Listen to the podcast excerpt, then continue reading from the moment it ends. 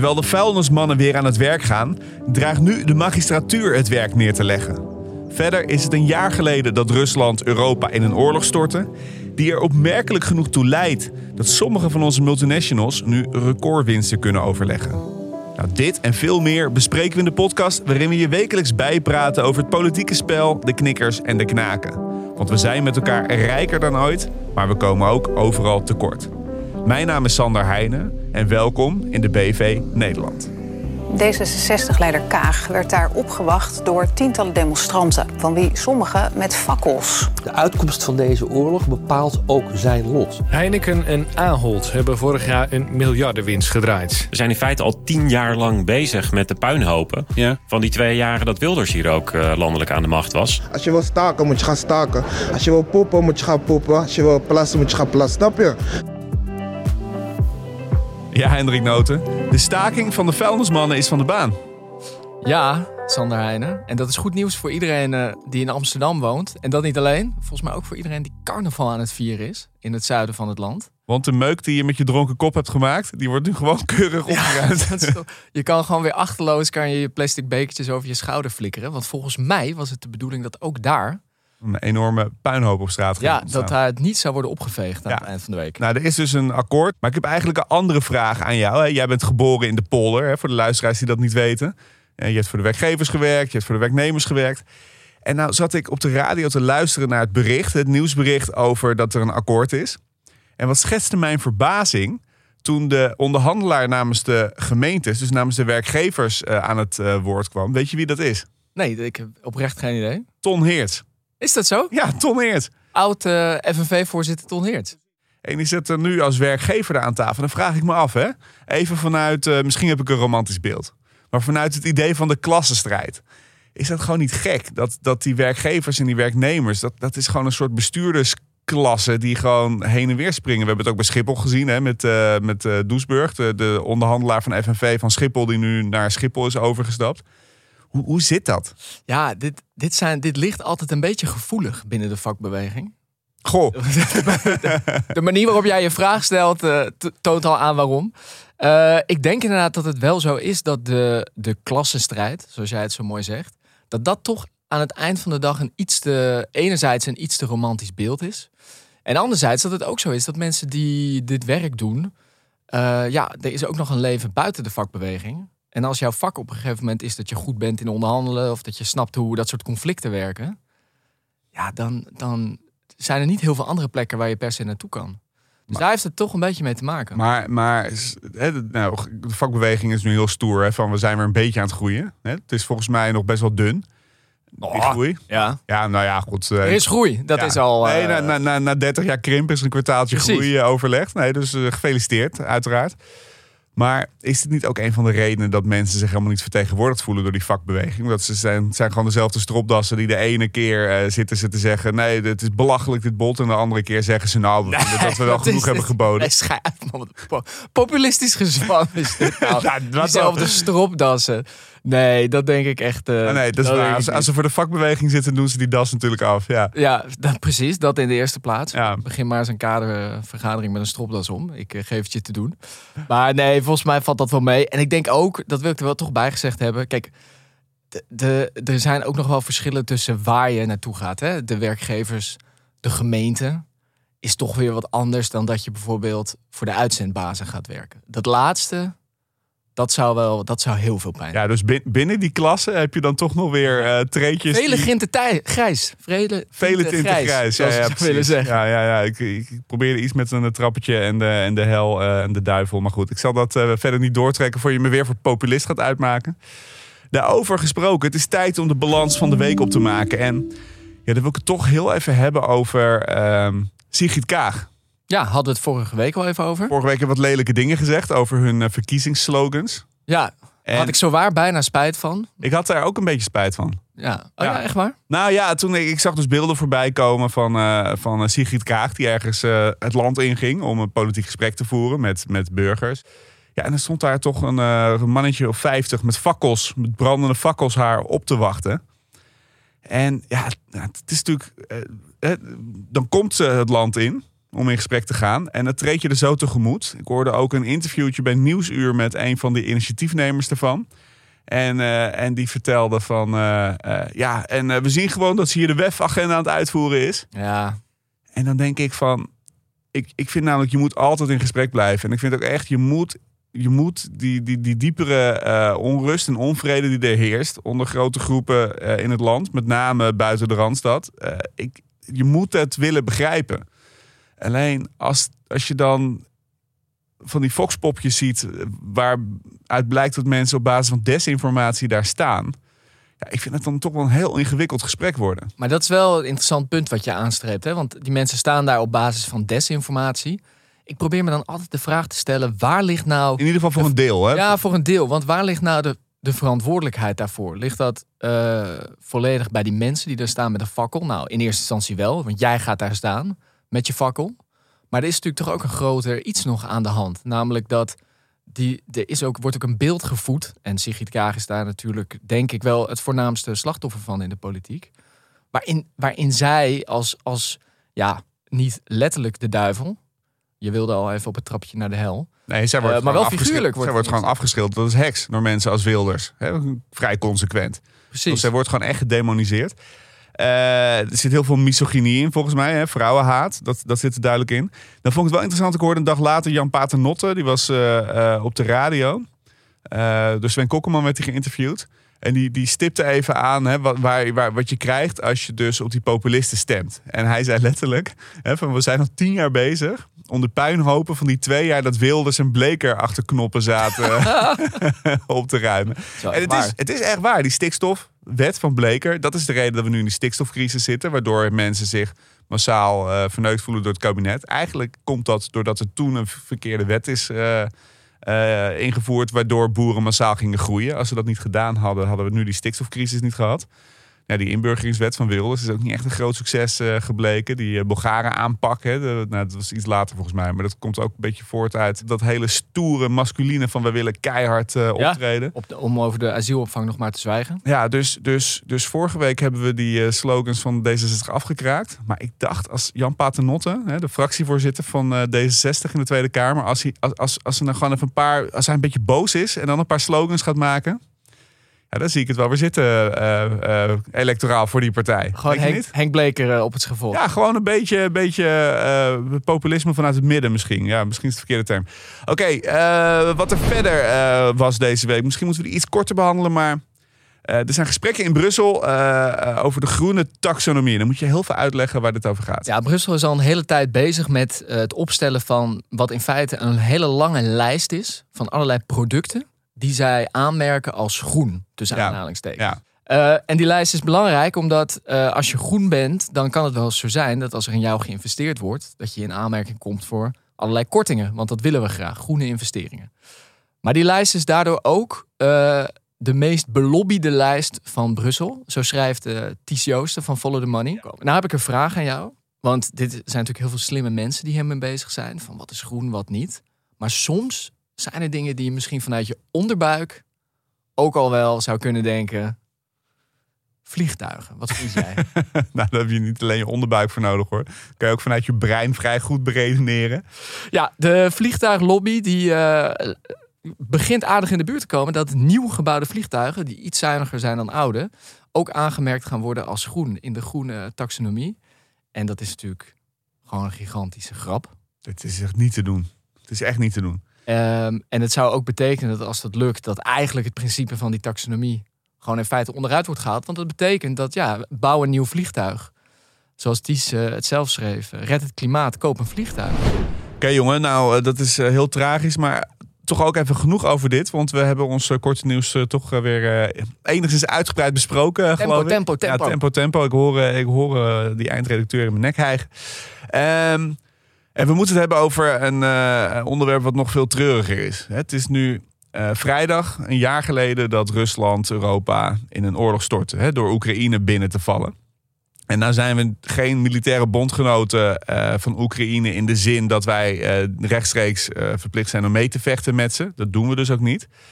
Maar we zijn als Nederland en als Europa en eigenlijk als westerse wereld, Japan, Zuid-Korea, Australië, Verenigde Staten, Canada, zijn we wel direct een economische oorlog begonnen tegen Rusland. In de vorm van een heleboel eh, sancties. En dan lijkt het mij goed om na een jaar strijd toch eens een beetje de balans op te maken van die economische oorlog en hoe dat de BV Nederland raakt. Eh, dus eh, zullen we dat gewoon eens even doen? Ja, dat lijkt me heel goed. Wat ik interessant vind vanuit onze podcast. Zo'n oorlog is eigenlijk een. Vooral eh, natuurlijk, je moet soldaten hebben. En je moet moreel hebben. En er moet gevochten worden. En we zien ook heel erg de verslaggeving van het front. Hè? En dan zien we nou, weer een paar honderd meter die kant op, een paar honderd meter die kant op. Gruwelijke beelden, gruwelijke taferelen. Maar die oorlog is vastgelopen. Hè? We hebben nu gewoon een loopgravenoorlog in feite. Zoals we in de Eerste Wereldoorlog ook hadden. En die oorlog is daarmee ook verworden tot de economische strijd. En die strijd gaat erom wie kan er voldoende wapens en munitie naar het front brengen.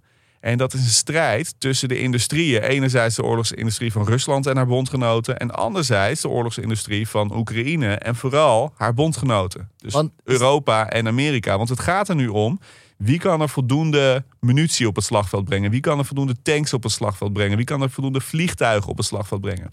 En als je de afgelopen weken de internationale media een beetje gevolgd hebt. Nieuwsuur had ook een reportage hè, vanuit een luchtmachtbasis eh, in Oekraïne. Een jaar lang hebben we volgens mij niks Toevallig. Nou, een jaar lang hebben we volgens mij niks gezien over die luchtmacht en hoe ze opereerden. En opeens, ik zag het bij CNN, ik zag het bij BBC, ik zag het bij Deutsche Welle, ik zag het bij Nieuwsuur.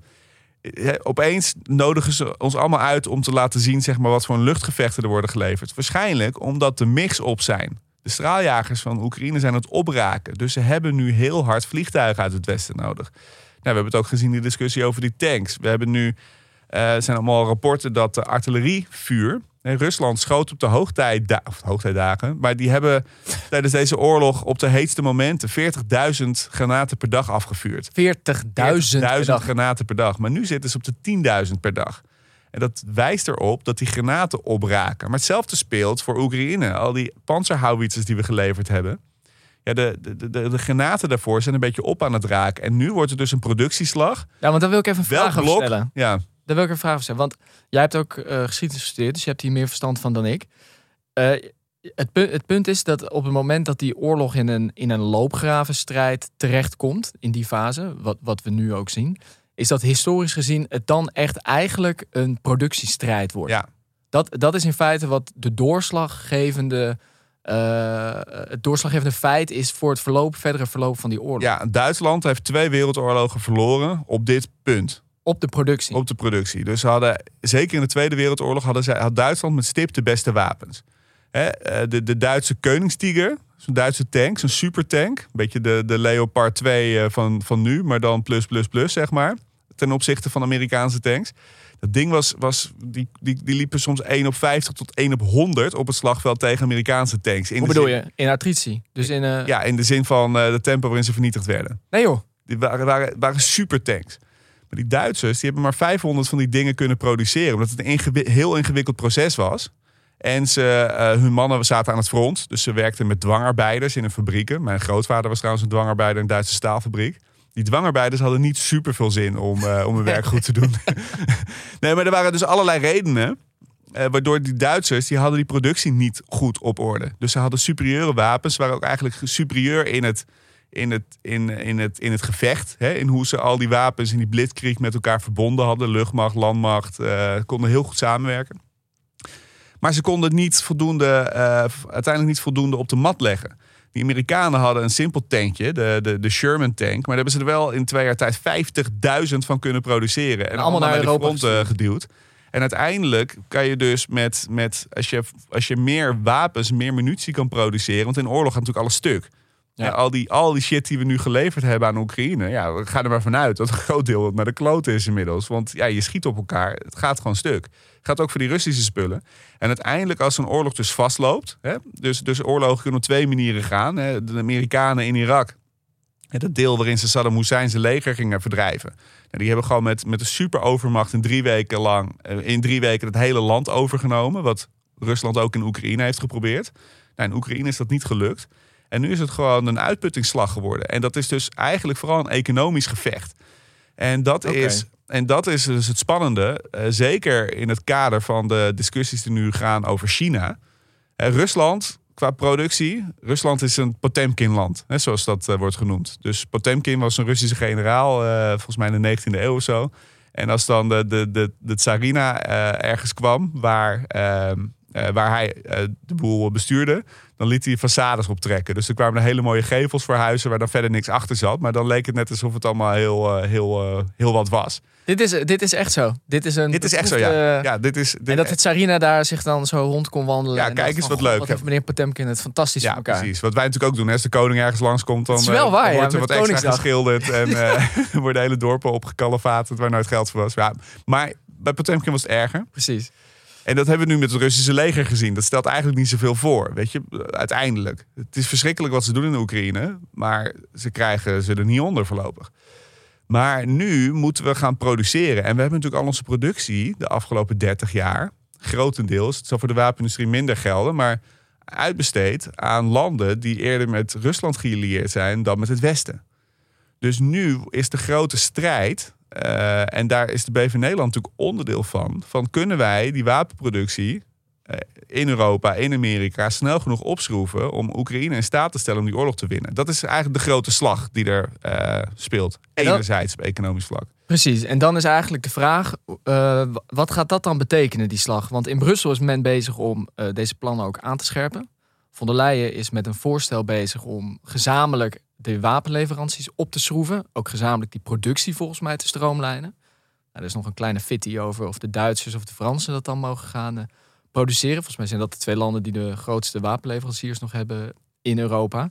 Maar heeft dat ook gevolgen voor bijvoorbeeld voor Nederland? Voor mensen die hier werken, voor bedrijven die hier produceren. Want tot nu toe is eh, voor die bedrijven in ieder geval, is een groot deel van die oorlog ja, redelijk langs hen heen gegaan. Voor Ja. gezinnen is het anders. Nee, dus kijk, wij doen veel high-tech shit in Nederland. Hè? Dus, dus enerzijds eh, discussies over het uitbreiden van bedrijven die iets doen in de defensieindustrie. En we hebben best veel defensiebedrijven in Nederland. Hè? Er zijn best veel bedrijven die, die hebben, zijn toeleveranciers. Dus ze maken dan bijvoorbeeld een radarsysteem. Of ze maken een, eh, weet ik veel, een soort coating eh, die je op een, op een vliegtuig kan schilderen. En dan is hij minder goed zichtbaar voor de, de vijandelijke radar. Dus, dus, dus, dus de wapenindustrie werkt tegenwoordig niet meer zo. Nee, vroeger had je dan gewoon een, een, een munitiefabriek. eh, en dan maakte hij alle kogels eh, zelf. Dat beeld heb ik daar nog bij. Ja, precies, precies. En nu is het, hè, zoals alles wat we maken, sp- spulletjes zijn heel complex geworden. Dus iedereen maakt een stukje van zo'n apparaat en dat wordt dan ergens geassembleerd. En daar hebben we best veel bedrijven van die stukjes daarvoor maken. Net zoals we veel toeleverende bedrijven hebben aan de Duitse auto-industrie. In Brabant en Limburg zitten heel veel bedrijven die onderdelen maken voor auto's. Bijvoorbeeld de bekleding voor een auto. En, en, en dat soort bedrijven, als die niet kunnen uitbreiden, hè, vanwege bijvoorbeeld stikstofproblemen, of omdat ze geen elektriciteit kunnen krijgen, dat draagt allemaal bij aan of je wel of niet die wapenindustrie voldoende kan laten draaien om die Oekraïners in staat te stellen om dat gevecht te leveren. Dus dat is best wel fundamenteel. En, en, en, en op die manier zou je dus toch moeten gaan kijken naar, ehm, eh, naar wat zijn de strategische bedrijven die we nu om die oorlog, eh, om onze ja, toch wel nieuwe bondgenoten Oekraïne goed te blijven steunen. Eh, moet je daar naar kijken. Maar bijvoorbeeld een ander voorbeeld, het Tata Steel. En er zijn mensen die zeggen die fabriek moet per direct dicht. En als je kijkt naar de uitstoot en de vervuiling, eh, is daar natuurlijk best wel een punt. Alleen eh, anderzijds, wat heb je nodig? Sowieso ook heel erg nodig voor wapens. Dat is staal. Ja. En je zal dus ook moeten kijken van waar kan je misschien wel staalproductie opschalen. Als we zeggen de Duitsers moeten veel meer van die Leopard 2 tanks gaan maken. Ja, dat staal daarvoor. Ik weet niet of dat bij Tata vandaan komt. Maar er zijn, maar, er zijn niet zoveel grote staalfabrieken in Europa. Dus je zal, hè, dus je zal hele andere discussies krijgen. En daar zijn wij in democratie natuurlijk eigenlijk niet zo goed in. Daar wilde ik eigenlijk net gaan zeggen. Want in feite stel je een nieuw hoger doel aan je economie. Namelijk, Oekraïne mag niet de oorlog verliezen. Daar zijn al onze politici het eh, in ieder geval over eens. Maar dat betekent dus wel dat andere doelen, natuurbehoud, ik noem maar bijvoorbeeld wat, of eh, luchtkwaliteit, of nou, zo kunnen we een hele, hele tijd doorgaan, dat je daarvan dan eigenlijk ook zegt, ja, die doelen, die moeten een beetje aan de kant. En dat Nou ja, lijkt me je wel moet- heel ingewikkeld. Ja, dus je moet daar altijd de afwegingen blijven maken, denk ik. En, en daarom kunnen we dus als democratieën niet zo snel opschalen als, eh, als dictaturen dat kunnen. Hè, omdat je toch altijd deze gesprekken moet voeren. En die moet je ook voeren, want je vecht om het behoud van je democratische waarden. Dus je moet die niet volledig opzij schuiven. Eh, maar het, het grootste voorbeeld van een, van, een, van een mogelijkheid die daar echt in is geslaagd, is de Verenigde Staten in de Tweede Wereldoorlog. Die hebben toen wel vrij directief tegen alle bedrijven gezegd: ja, leuk dat jij auto's maakt, maar jij gaat nu tanks maken. Ja, hoppa. Leuk dat jij, eh, weet ik veel, Ja, eh, cruise- cruiseschepen mij. maakt of koektrommels. Jij gaat nu eh, kanonnen maken, weet je. En, en die hebben dus in twee jaar tijd een leger dat maar 300.000 man had, opgeschaald naar 15 miljoen man. En allemaal bewapend. En dus, dus hè, ze hadden niet super, super goede wapens. Eh, hè, waar we net over hadden. Omdat ze dat ook zo snel allemaal... eh, eh, Nee, maar ook even voor de duidelijkheid. De Amerikanen hadden voor het uitbreken van de oorlog nauwelijks nog een leger, Ze toch? hadden nauwelijks een leger. Ja. Ze waren Ze- heel isolationistisch. Ze dachten, ja, wie maakt ons wat? Weet je, er zitten twee oceanen om ons heen. En die Canadezen en die Mexicanen, die vallen ons niet aan. Dus Dus, zulke lieve mensen, die kunnen dus, dus we zitten daar, we zitten hier, we zitten hier prima. Nee, maar, het, maar, maar dat is dus de economische strijd die we voeren. En dan is er nog een tweede aspect aan die economische strijd, waar ik toch ook even heel kort naar wil kijken. Ehm, een jaar geleden, nee, iets korter, in de zomer van eh, vorig jaar, van 2022, toen had je mensen als Geert Mak en Arend-Jan Boekenstein. Die waren echt, eh, die zeiden echt dingen als: dit is de laatste normale zomer zoals we dat gewend zijn. Daarna alles wordt minder, want, want het Russische gas eh, werd, de kraan werd dichtgedraaid. Eh, olie, brandstoffen, dat werd ingewikkeld. Eh, nou, we, zouden in een soort van economische oorlogsvoering terechtkomen. De sancties die we eh, hebben opgelegd aan Rusland doen onszelf ook pijn. Dat is voor een deel ook zo. Maar ik dacht, het is toch ook goed om een beetje de balans op te maken van een jaar sancties. Van hoe heeft dat onze economie nou echt geraakt? En dan eh, zijn er altijd mensen nog steeds die zeggen... ja, in 2023 gaat het ons echt pijn doen. Nou, dat kunnen we misschien volgend jaar dan bespreken. Want je moet in de economie altijd alleen maar bespreken... wat je al hebt kunnen waarnemen, hè, vind ik. Eh, Ga niet voorspellen. we gaan niet voorspellen, want die voorspellingen komen nooit uit. En als je dan kijkt hoe onze economie door die sancties heen is gekomen, 2022, 4,5% groei. Ja. Heeft deels ook te maken met corona-lockdowns in het jaar ervoor natuurlijk. Dan is het iets makkelijker groeien. Ehm, maar uiteindelijk, ook als we kijken naar, naar bedrijven. Eh, en dat is misschien ook een bruggetje naar ons eh, volgende ding. Maar we zien dat, eh, dat de omzetten van bedrijven gewoon zijn toegenomen. We zien dat, dat de productie gewoon is toegenomen. We zien dat het gasverbruik met een derde is afgenomen. maar dat dat niet ten koste is gegaan van, van, van de groei. in ieder geval niet heel zichtbaar. En we zien dat eigenlijk voor de hele EU dat die behoorlijk eh, eh, op peil is qua groei. Sterker nog, eh, ik heb het even opgeschreven en kan het nu zo snel niet zien in mijn draaiboek. Maar de Europese economie is sneller gegroeid dan die van China of de Verenigde Staten het afgelopen jaar. Ja, ik zou je wel één heel belangrijke kanttekening bij willen plaatsen. Ja, voor ik weer populist word. Ja. Nee, ja, ja. En dan, en dan, dan voor we aan het eind van het blokje komen. En dat is namelijk dat dit wel gepaard is gegaan met een overheid die miljarden heeft uitgegeven. om Nederlandse gezinnen de koopkracht overeind te houden. Koopkracht die ook nodig was om die groei natuurlijk weer eh, in stand te houden. en om die omzet van die bedrijven eh, eh, ook in stand te houden. Dus het is niet zo dat het ons niet geraakt heeft. Het is meer, denk ik, dat we er een redelijk passend antwoord op hebben gegeven. We hadden het natuurlijk net ook nog over die winkeldiefstallen. Die pijn wordt natuurlijk wel echt gevoeld. De boel stort absoluut niet in. Maar soms vergeten we ook eventjes dat die miljarden van de overheid... en het prijsplafond en al die dingen... ja, dat was dan een Prinsjesdag. Maar dat is natuurlijk wel een heel belangrijke ingreep geweest. Ja, nou, dat prijsplafond is natuurlijk iets voor dit jaar, hè, niet voor 2022. Even toch. Nee, maar de energiebelasting die is gekort. De toelagen voor de laagste inkomens. natuurlijk voor meer dan 10 miljard... al twee jaar op rij eigenlijk over de plank gegooid. Zeker, dus, dus Keynesiaans beleid, hè, investeren als, het, eh, als je tegenwind hebt, dat blijkt dus te werken. En dat leidt ook tot extra belastingopbrengsten. Want als we dan kijken naar al die Europese economieën, dan zijn ze eigenlijk allemaal boven verwachting gegroeid. Behalve, dat is ook leuk, die, die van het Verenigd Koninkrijk. Die zitten nog steeds, en dat heeft natuurlijk vooral met Brexit te maken, die zitten nog steeds 5,5% achter. Eh, kleiner zijn ze dan ze waren geweest in een normale groeipad. Die zijn nog steeds niet, die zijn nog steeds kleiner dan voor de pandemie. En daar is uitgerekend dat het 45 miljard aan belastinginkomsten dus eh, niet eh, binnen zijn gekomen omdat die economie achterblijft. Omdat, er, omdat ze ook de ruimte niet hebben of hebben genomen om voldoende te investeren om dingen op peil te houden. En je ziet dat je dan in een soort neerwaartse cirkel terechtkomt. Dus omdat we onze economie overeind hebben kunnen houden, kunnen we ook belasting blijven heffen. En dan vervolgens is natuurlijk nog steeds die verdelingsvraag. Hè, van eh, hoe kan het nou dat er zoveel miljarden in de economie rondgaan en er mensen het gevoel hebben dat ze moeten stelen om een eh, maag te vullen. Maar dat is eigenlijk een andere kwestie. Ja, op hoofdlijnen is die ramp eh, uitgebleven. Ik vind wel, als jij feiten en cijfers erbij gaat halen. Ik voel me een beetje onthand. Onthand. Ja, dat je ook echt zo je punt gaat onderbouwen. Ik vind het lekker. eh, Geïntimideerd ook? ja, een beetje geïntimideerd ook, ja.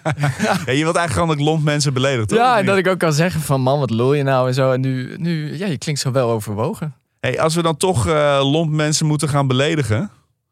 eh, moet, misschien moeten we het gewoon even hebben over de bedrijven die hebben geprofiteerd van de enorme inflatie. Want dat is natuurlijk, als, als we dan toch hebben over pijn die we hebben gele- geleden door die economische strijd. Dan is de inflatie is natuurlijk met stip staat op één. Want we hebben een inflatie gezien, volgens mij over het jaar gemiddeld komen we uit op een procent of 8, 9. Nou ja, meer denk ik, ja. Meer, 10 misschien wel. Nou goed, dus ons geld is allemaal minder waard geworden. Alles is duurder geworden. Eh, dat is die inflatie. Maar als we dan gaan kijken, en dat eh, heb jij eh, lekker voorbereid met feiten en cijfers. naar een paar van de grootste bedrijven. En de bedrijven waar we merken dat we veel meer betalen. Hè, dus aan de pomp, in de winkel enzovoort.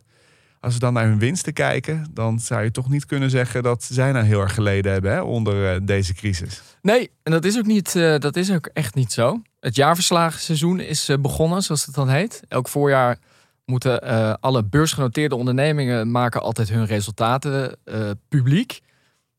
Dat doen ze in aanloop naar aandeelhoudersvergaderingen. En daardoor krijg je eigenlijk altijd een goed kijkje in de keuken van hoe die bedrijven het eh, doen. Heel veel andere bedrijven hoeven dat ook nooit. Dus het zijn daardoor ook altijd wel de beursgenoteerde ondernemingen die onder de loep liggen en op de meeste shit eh, kunnen, kunnen rekenen. En ook eh, dit jaar stroomt het weer binnen. En het is inderdaad waar, er zijn een aantal grote ondernemingen die toch echt opvallend goede resultaten hebben. En ik zal er zo een aantal noemen, maar wat ik een interessante vraag vind, is dat leidt natuurlijk tot een soort verontwaardiging, eh, tot veel publieke verontwaardiging.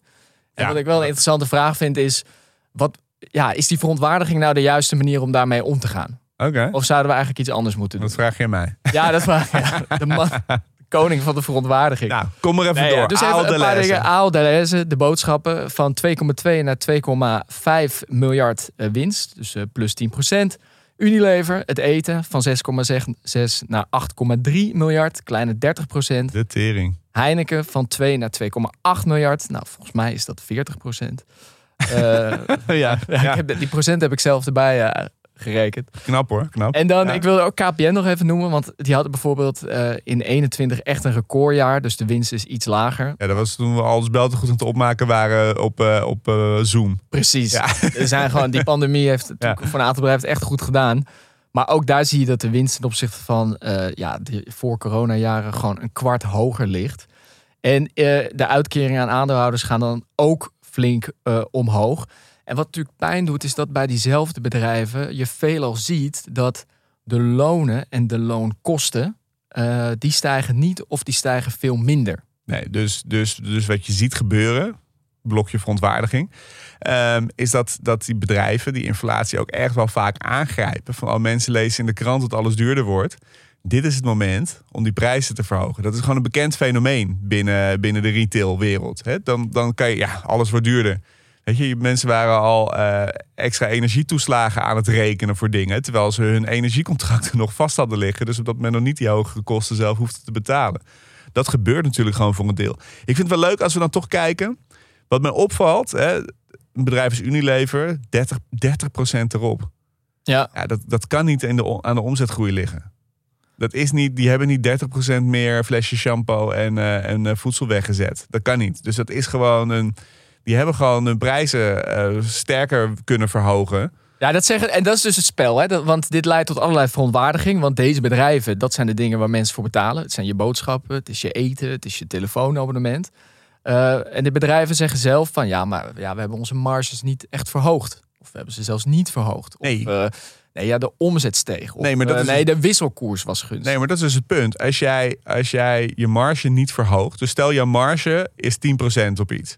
En het kostte eerst 100 euro. Nou, als je marge van 10%, hè, dus dan tientje winst.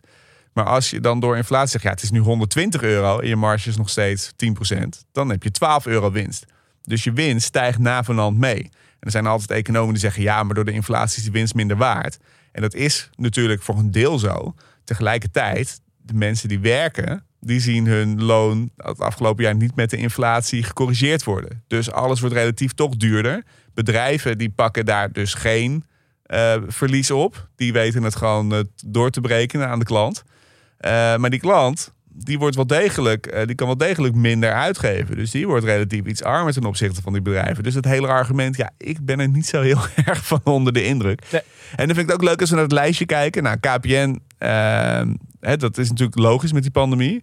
Dat Heineken plus 40% is gegaan. Dat heeft denk ik ook te maken met die lockdowns. Want Heineken heeft echt tijdens die pandemie minder bier kunnen wegzetten. Omdat de cafés dicht waren. Kijken we dan naar Ahold, de supermarkten. Die hadden in 2020 en 2021 al echt absolute recordwinsten. Omdat je kon niet uit eten, dus mensen gingen meer koken. Eh, dus die supermarkten hadden toen echt al topwinsten. Ja, en dit is en die zijn daar nog weer eens 10% overheen gegaan. Precies. Dit is echt een heel belangrijk punt. Dus er wordt gezegd ook soms van nou, de winst is wat gedaald ten opzichte van afgelopen jaar. Maar op heel veel plekken lag die gewoon al op een heel comfortabel, fijn, mooi, hoog niveau. Precies. Dus historisch perspectief ging het al hartstikke goed. Dat is ook heel gek. We denken pandemie. Maar heel veel van die bedrijven hebben eigenlijk hele hoge winsten gedraaid. Maar wat je volgens mij ziet gebeuren, ik ben ook benieuwd wat jij ervan bent, of wat jij ervan vindt, is dat er, er botsen soort twee ideeën met elkaar. Hè? Je hebt een beetje het oude Milton Friedman eh, gedachte van eh, the business of business is doing business. Van een bedrijf moet gewoon winst maken. Ja, en hè, laat ons verder met rust. Ik vind dat je het ook ziet in het ongemak van die CEO's als ze media-optredens moeten doen. Eh, Frans Muller van uh, Aalt had een heel ongelukkig eh, interview waarin die, Die, maar die, die, mannen. Wat, Hij zei volgens mij is het? Waarom kunnen die mannen niet gewoon normaal praten? Ja, precies. Dat zijn ze wat, zijn dit, wat zijn dit voor Ja. figuren? Volgens mij zei ze iets van, ja, je kan ook de aanbiedingen bij elkaar shoppen of zo. Dan zijn we heel goedkoop. Echt van, ja, gast. Ja, doe even normaal. Trouwens, Doe gewoon even normaal. mijn schoonmoeder doet dat. Ik moest een keer tijdens de pandemie, daar had ik steeds boodschappen voor haar. En dan kreeg ze een heel gericht lijstje met alles wat in de bonus was. Echt, ja. En, en dan had ik dus echt op 50 euro boodschappen 25 euro bonus eraf. Ja. Terwijl normaal, als ik mijn gezinsboodschappen doe, dan ben ik 150 piek kwijt. En dan heb ik 1 euro 86, 86 bonus of zo, weet je wel. Dus hij heeft misschien wel gelijk. Dus hij heeft wel gelijk, Hij heeft een punt. maar Maar zo moet je niet hij praten. staat toch de plank mis. Precies, ja. Soms kan dat gebeuren. Ja. Maar goed, dus, dus dat oude idee. En dat botst nu volgens mij met eh, een politiek en ook een samenleving. En verkiezingstijd speelt mee. Maar die hele crisis, die inflatie, die oorlog is daar denk ik nog veel belangrijker in. Een samenleving die eigenlijk zegt, ja, het zal wel dat, dat, dat dit is waarvoor jij op aarde bent. Maar is dit eigenlijk wel eerlijk? Is dit eigenlijk wel fair? Is dit eigenlijk wel hoe we het zouden moeten willen met elkaar? Precies. En dat zijn gewoon twee werelden die totaal niet bij elkaar komen hier. Sterker nog, kijk, ons wordt gevraagd hè, als bevolking terecht om solidair te zijn met Oekraïne. En dus ook de prijs te betalen in de vorm van hogere energieprijzen enzovoort. En terecht, hè? Absoluut terecht. Maar het is toch wel vrij absurd dat bedrijven het gewoon heel normaal vinden om hun marges op peil te houden. En dan dus recordwinsten te boeken. Dat is, ja, dat, dat is eigenlijk niet meer uit te leggen. En die mannen kunnen dat ook niet uitleggen. En daarom zien we ze zo weinig aan die talkshowtafels. En als we ze een microfoon onder hun neus duwen, dan komt er een soort van gestamel uit. Dat je denkt van hoe kan deze man in godsnaam een bedrijf leiden? Ja, nou ja, blijkbaar toch heel succesvol. Nou ja, Dat is wel het resultaat eh, van dit. blijkbaar. hey jongen, ehm, we gaan dit afronden. Kregen we nog leuke reacties binnen? Eh, de ja, socials of in het echt? ja, zeker. We hadden natuurlijk eh, vorige week een fragmentje online gezet over de boerenkieswijzer. Zeker, ja, ik heb me daar vrolijk over gemaakt. Daar had je je vrolijk over ja. gemaakt. Dat werd overigens nog opgepakt door Arjen Lubach. Ja, ja, die vond het ook leuk. Vermoed dat het dat ons fragmentje daarmee te maken Ik weet het niet. Hij had min of meer dezelfde grap. had. Ja. Min of meer. Hij had precies dezelfde grap, maar leuk. Arjen. Maar wij maakten ons daar vrolijk over. Maar ik kreeg er ook nog wel een serieuze vraag over. En dat hadden wij natuurlijk eigenlijk na de opname ook een gesprek over. Namelijk, ja, hoe grappig is dit nou eigenlijk? Want eh, het is eh, overduidelijk een campagne-ding. Maar het is eigenlijk ook een soort desinformatie met zo'n kieswijzer. Mag dit allemaal gewoon? En is dit nou wel zo leuk? Of zouden we ons hier stiekem iets meer zorgen over moeten maken? En ik was wel benieuwd wat jij daar nog van vond. Ja, ik maak me al jaren zorgen over. Sterker nog, ik ben er een boek over aan het schrijven. Maar wij grapten er natuurlijk een beetje over vanuit de, ja, dat het zo bizar was.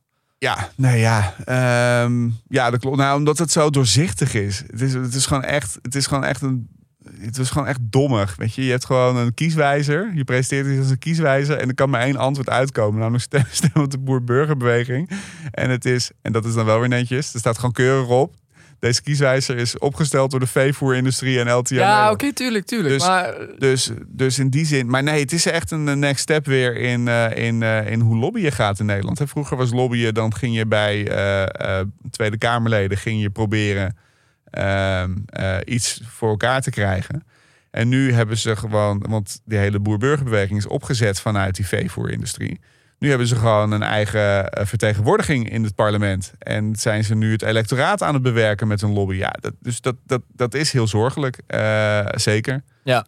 Dus eh, ik zal volgende keer zal ik daar plechtiger over ik spreken. denk niet dat dat... Nee, nee, maar Ik ja, denk niet dat het een verzoek was, maar het is ik meer... Het, begin, het begint... Nee, nee, het was geen kritiek, maar het was meer... Joh, het begint met een grapje, maar wat komt daarna? Ja, En dan hadden we nog een mail van Frank. Vond ik toch goed om... eh wil ik het ook nog heel even op terugkomen. Dat was ook eh, niet naar aanleiding van de vorige aflevering, maar degene daarvoor. En die zei... Die vond ons, jou... eh, iets te euforisch klinken over het mindere energieverbruik. Omdat het voor veel gezinnen ook bittere noodzaak is. Dat zag hij bijvoorbeeld in zijn eigen omgeving. Zijn eigen moeder, die van een AOW'tje rond moet komen. Eh, terwijl hij ook vrienden had, meer universitair opgeleid, die niks leken te voelen van wat er allemaal gaande was. En eh, die zei van ja, klinken jullie niet iets te blij daarover? ja, daar ben ik het deels mee eens en deels mee oneens.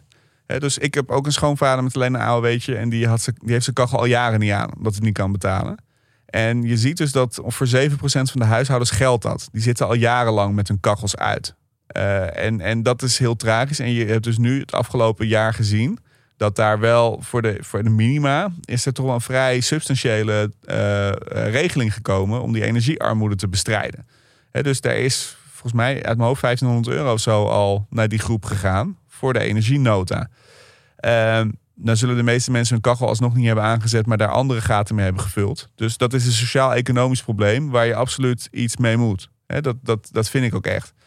Eh, tegelijkertijd, wat je ook ziet aan zeg maar, de reductie van het gasverbruik nu, is dat het weer veel meer de norm is geworden bij gezinnen die het wel op zich kunnen betalen, om de kachel weer op 18 of 19 graden te zetten. Hè, zoals dat 30 jaar geleden heel normaal was. Had iedereen de thermostaat op 19 staan. En de afgelopen decennia zetten mensen hem steeds vaker op 21, 22 graden. Dus, dus, dus dat deel van die mensen, hè, die, die gewoon hun kachel wat lager hebben gezet nu, daar zit een groot deel van die gasreductie. Daar ben ik heel blij mee. En dat andere, dat is eigenlijk een sociaal-economisch probleem. Dat je niet via de energierekening zou moeten oplossen. Maar je moet gewoon zorgen dat mensen voldoende inkomen hebben om te bestaan. Check. Dus, eh, dus eh, nee, maar het is heel goed eh, dat Frank dat, dat even stelt. Want dit is inderdaad, dit zijn twee verschillende groepen. En over de ene groep maak ik me vrolijk. En de andere groep niet. Dat is gewoon, gewoon diep, diep tragisch. Ja, Oké jongen, tijd voor de vrolijke noot. ja de vrolijke noot. Die sluit ook heel erg aan bij de aflevering van vandaag. In, eh, zoals je weet, pluis ik voor jou altijd mijn hele zondag de internationale media af. Heel goed. L'équipe. L'Equipe, nou, sport. Wug. Eh, De, de Eh, Monde. sorry, Le Monde. Sorry. Le Monde, Ja, de ja. Süddeutsche Zeitung. En je weet het, Frankfurter Allgemeine. de Frankfurter uit. En dit keer had ik de, Dagbladet. Hoe heet dat in, eh, in Denemarken? ja, ik had eh, de Economist had ik te pakken. Oh, Ja, ik dacht, Ja. even Anglo-Saxisch. brilletje opgezet. Tuurlijk. Lekker. Hè, koffietje erbij. En daarin eh, een het volgende onderzoeksartikel. De oorlog in Oekraïne heeft geleid, ondanks dus... Het is een beetje een bitterzoet eh, artikel, maar deze hele aflevering is eigenlijk wel wat bitterzoet. Deze hele podcast is bitterzoet. Ja, dat eh, de oorlog in Oekraïne heeft geleid tot een enorme toename in investeringen in hernieuwbare energie. Ze hebben eigenlijk op een rij gezet welke investeringen zijn dit jaar en het afgelopen jaar toegezegd dan wel gedaan. En daaruit kan je in feite afleiden van hoe gaat de productie zich in de komende tijd ontwikkelen. En de investeringen die hebben een enorme, enorme, enorme vlucht genomen. Zowel eh, door, ook door gezinnen, maar ook door eh, overheden omdat natuurlijk die hernieuwbare energie is niet alleen maar meer leuk geworden. Het is eigenlijk een strategisch wapen geworden. Hoe onafhankelijker we zijn, hoe makkelijker we die oorlog kunnen volhouden. En wat het daar, wat ertoe heeft geleid, die investering, is dat hun verwachting is dat de energietransitie daarmee, alleen in de afgelopen twee jaar, vijf tot tien jaar is versneld. Kijk. Nou Frank, ik denk dat we ons daar met recht vrolijk over maken. Daar mag jij je wel vrolijk Heel over goed, maken. jongen. Zeker. Oké jongen, nou ik ben, eh, ben eh, blij dat er toch nog iets, eh, misschien nog iets positiefs voortkomt uit, uit die hele turbulente tijd waar we in zitten. En daarmee denk ik dat het tijd wordt om de aflevering af te sluiten. Maar niet voordat jij hebt gezegd dat. Dank, dank, dank aan iedereen voor het luisteren. Volgende week zijn we er weer. Heb je vragen of opmerkingen of kritiek, net als Frank? Dat kan door te mailen naar bvnederland.creator-podimo.com. Het mooiste mailadres van het land, maar het staat ook in de show notes. En vergeet ons niet te volgen en op te zoeken op Instagram, BV Nederland, of gewoon lekker op LinkedIn. Hendrik Noten, Sander Heijnen. En deel deze aflevering vooral met anderen. Ehm, en daarmee gezegd, tot volgende week. Tot volgende week, jongen.